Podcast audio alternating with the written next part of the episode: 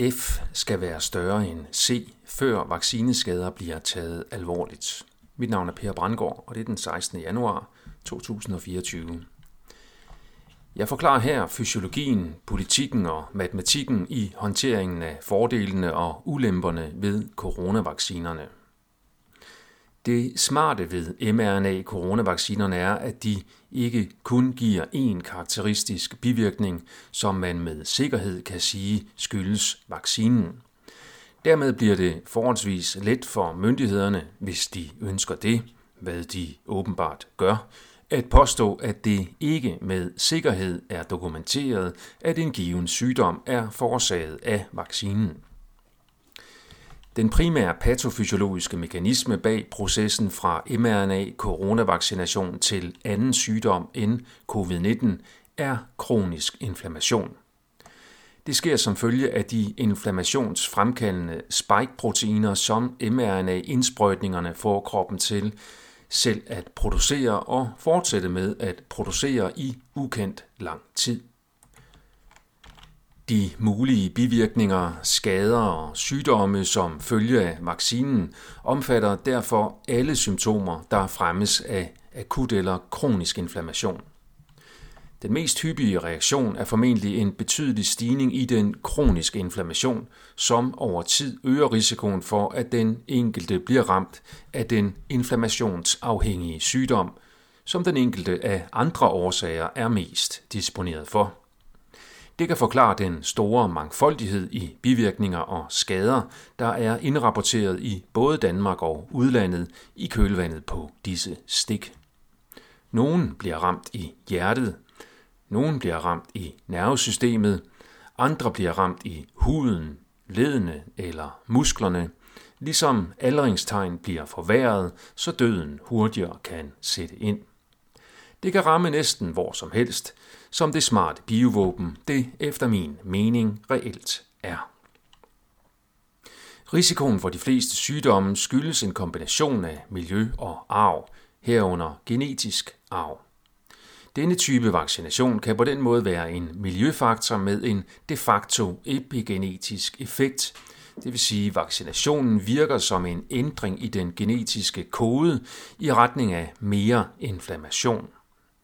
Der er tale om et særligt problem ved coronavaccinerne, da de gør brug af mRNA-teknologien, som ældre vacciner mod andre sygdomme ikke gør brug af. De bekymringer, jeg har om coronavaccinerne, omfatter derfor ikke vacciner som samlet kategori af sygdomsforebyggende medicin. Coronavaccinen kan sammenlignes med tobaksrygning. Det er ikke alle rygere, der udvikler sygdomme, men rygning er forbundet med en øget forekomst af en lang række forskellige sygdomme.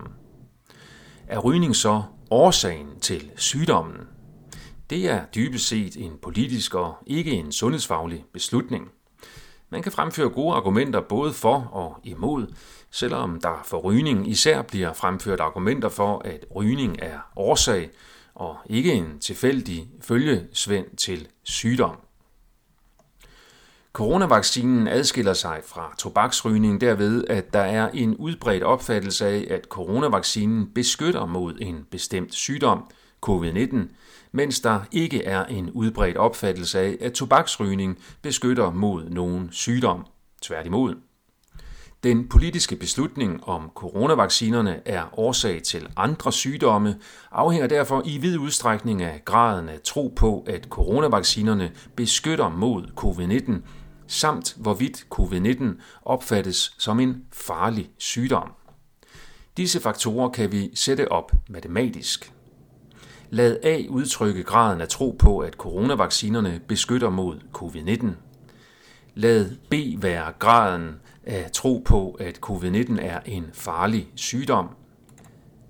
Lad C være coronavaccinernes samlede kognitive styrke. C kan da defineres som A gange B. På samme måde kan vi definere tilsvarende faktorer for skadevirkningerne af coronavaccinerne. Lad det udtrykke graden af tro på, at coronavaccinerne øger risikoen for andre sygdomme end covid-19. Lad E være graden af tro på, at de andre sygdomme er farlige. Lad F være coronavaccine bivirkningernes samlede kognitive styrke. Så længe C er større end F, kan myndighederne forsvare at ignorere vaccineoffrene. Udfordringen for myndighederne er, at hvis de begynder at tage de mange ofre og deres læger alvorligt, så vil det i sig selv øge F. Det kræver, at C øges tilsvarende, hvis myndighederne vil undgå at undergrave deres egen troværdighed. Vi skal derfor forvente, at myndighederne først vil begynde at tage vaccineoffrene alvorligt i en periode, hvor C stiger. De frygter en situation med F større end C. Den gode nyhed er, at man faktisk kan gøre en del selv for at reducere kronisk inflammation. Det svarer i princippet til at reducere sin risiko for følgesygdomme til tobaksrygning uden at holde op med at ryge. Det har jeg lavet denne guide til, og så er der et link til sundhedsprogram mod mRNA-vaccinen, som er baseret på at reducere både kronisk inflammation, men også andre risici forbundet med den såkaldte vaccine mod den såkaldte covid-19 sygdom.